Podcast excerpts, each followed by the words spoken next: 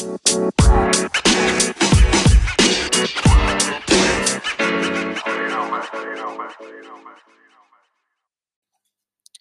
welcome back to Roundabout Podcast, podcast yang bahas berbagai macam isu transportasi yang dibahas secara ringan dan santai bersama gue Insan Rido. Um, di episode kali ini gue akan coba diskusi dan ngobrol terkait uh, pengalaman ya dan juga apa yang gue rasakan selama pandemi ini berlangsung terkait uh, transportasi publik dan gue sempat nge-tweet beberapa waktu lalu tentang uh, Google Trends ya. Google Trends ini mencoba melihat bagaimana uh, kondisi transportasi publik, terutama di Amerika, di beberapa kota besar seperti New York, Washington DC, Chicago, dan juga um, San Francisco ya. Jadi empat uh, kota ini mereka ngambil data survei beberapa ke ribuan orang, terus dapat beberapa hasil yang cukup uh, cukup menarik sih untuk dibahas.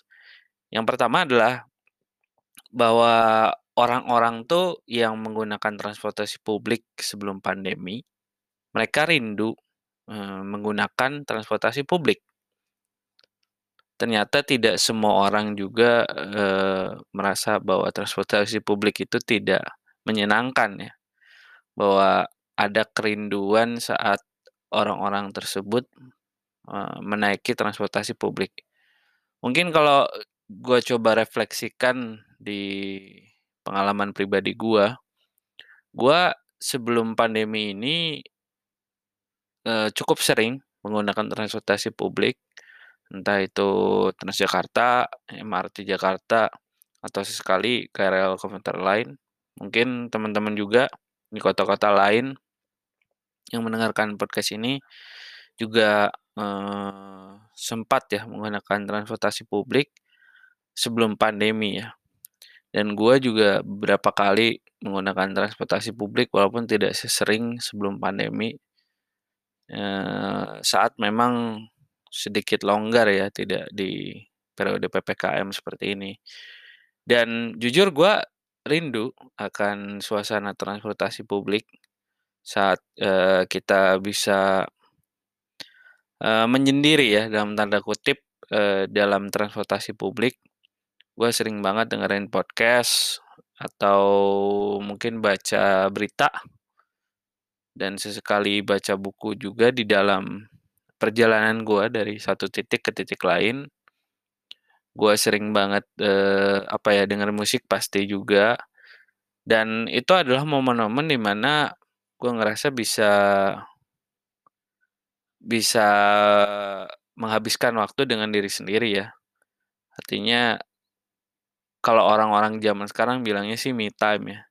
Tapi gue rasa itu adalah saat-saat kita bisa refleksi diri bisa uh, berkontemplasi ya. Dan juga belajar banyak ya dari dengerin podcast atau baca berita baca buku. Dan gue merasa uh, kehilangan hal itu saat sekarang gitu saat gue tidak tidak menggunakan transportasi publik lagi karena kita lebih banyak di rumah gitu dan ini yang juga dirasakan mungkin sebagian besar orang yang uh, ikut survei dari Google ini ya. Dan hampir kayaknya lebih dari 50% deh orang-orang di kota-kota besar ini yang memang dulunya naik transportasi publik pengen balik lagi ke transportasi publik. Dan kayaknya paling tinggi itu ada di New York ya. Kita tahu juga New York uh, transportasi publik yang cukup terkenal ada subway walaupun uh, service atau layanan subway juga tidak bahkan mungkin tidak sebagus MRT Jakarta ya secara keseluruhan. Tapi tentu jaringannya jauh lebih luas lalu juga ya mungkin suasananya sih yang mungkin berbeda dengan yang ada di Jakarta. MRT Jakarta atau KRL mungkin KRL agak mirip tapi tentunya beda ya beda kota beda uh, beda environment ya beda orang juga Dan mungkin itu yang jadi, eee, jadi hal yang orang-orang rindukan, bagaimana bisa ketemu orang. Ketemu tuh artinya kita nggak harus ngobrol sih, tapi bisa lihat orang, eee, berkendara bareng kita, dan ngerasa bahwa orang-orang itu juga lagi bekerja atau lagi berjuang. Itu menurut gua cukup poetik sih, artinya cukup cukup menarik untuk, eee, kita rasakan gitu ya. Dan gua merasa bahwa setiap kali gua naik transportasi publik, entah itu bis atau kereta, gua melihat orang-orang juga yang memang mungkin, eee, berkeringat ya, banyak peluh, kelihatannya capek, tapi gua tahu bahwa mereka sedang memperjuangkan hidup mereka, keluarga mereka juga, dan itu yang gua rindukan juga sih dari transportasi publik. Terus, eee, hasil dari survei dari Google ini juga memperlihatkan bahwa, eee, adanya tren kenaikan ya dari penggunaan, eee, tiket yang memang tidak berbentuk fisik lagi, artinya sudah bergeser ke beberapa, eee, metode lain ya, kayak mungkin, eee, QR Code kalau di di MRT Jakarta atau di LRT Jakarta atau Transjakarta itu sudah bisa pakai QR Code. Terus juga di di belahan dunia lain itu sudah bisa pakai yang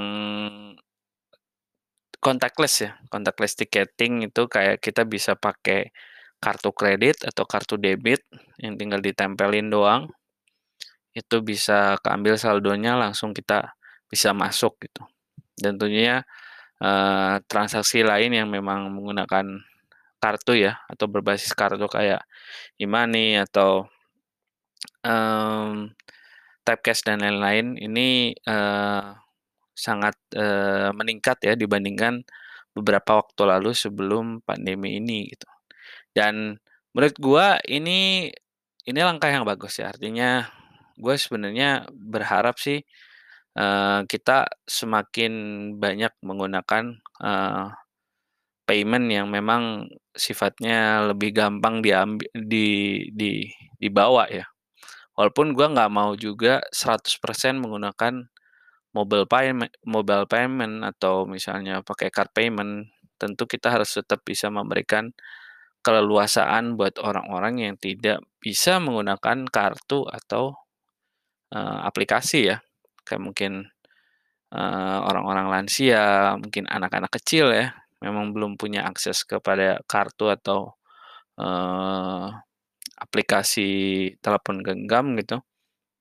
Gua rasa, eee, tetap harus ada menyediakan loket bagi orang-orang yang menggunakan transportasi publik yang tidak punya akses ke gawai-gawai tersebut ya.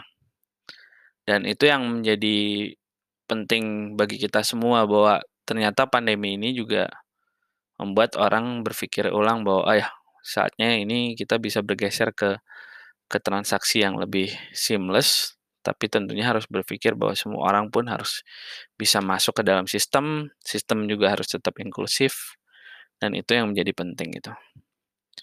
Dan gua ngerasa juga pasti banyak hal yang kita, apa ya, kita rasakan selama dulu sebelum pandemi saat di transportasi publik dan sekarang nggak bisa rasain adalah suasana stasiun atau halte.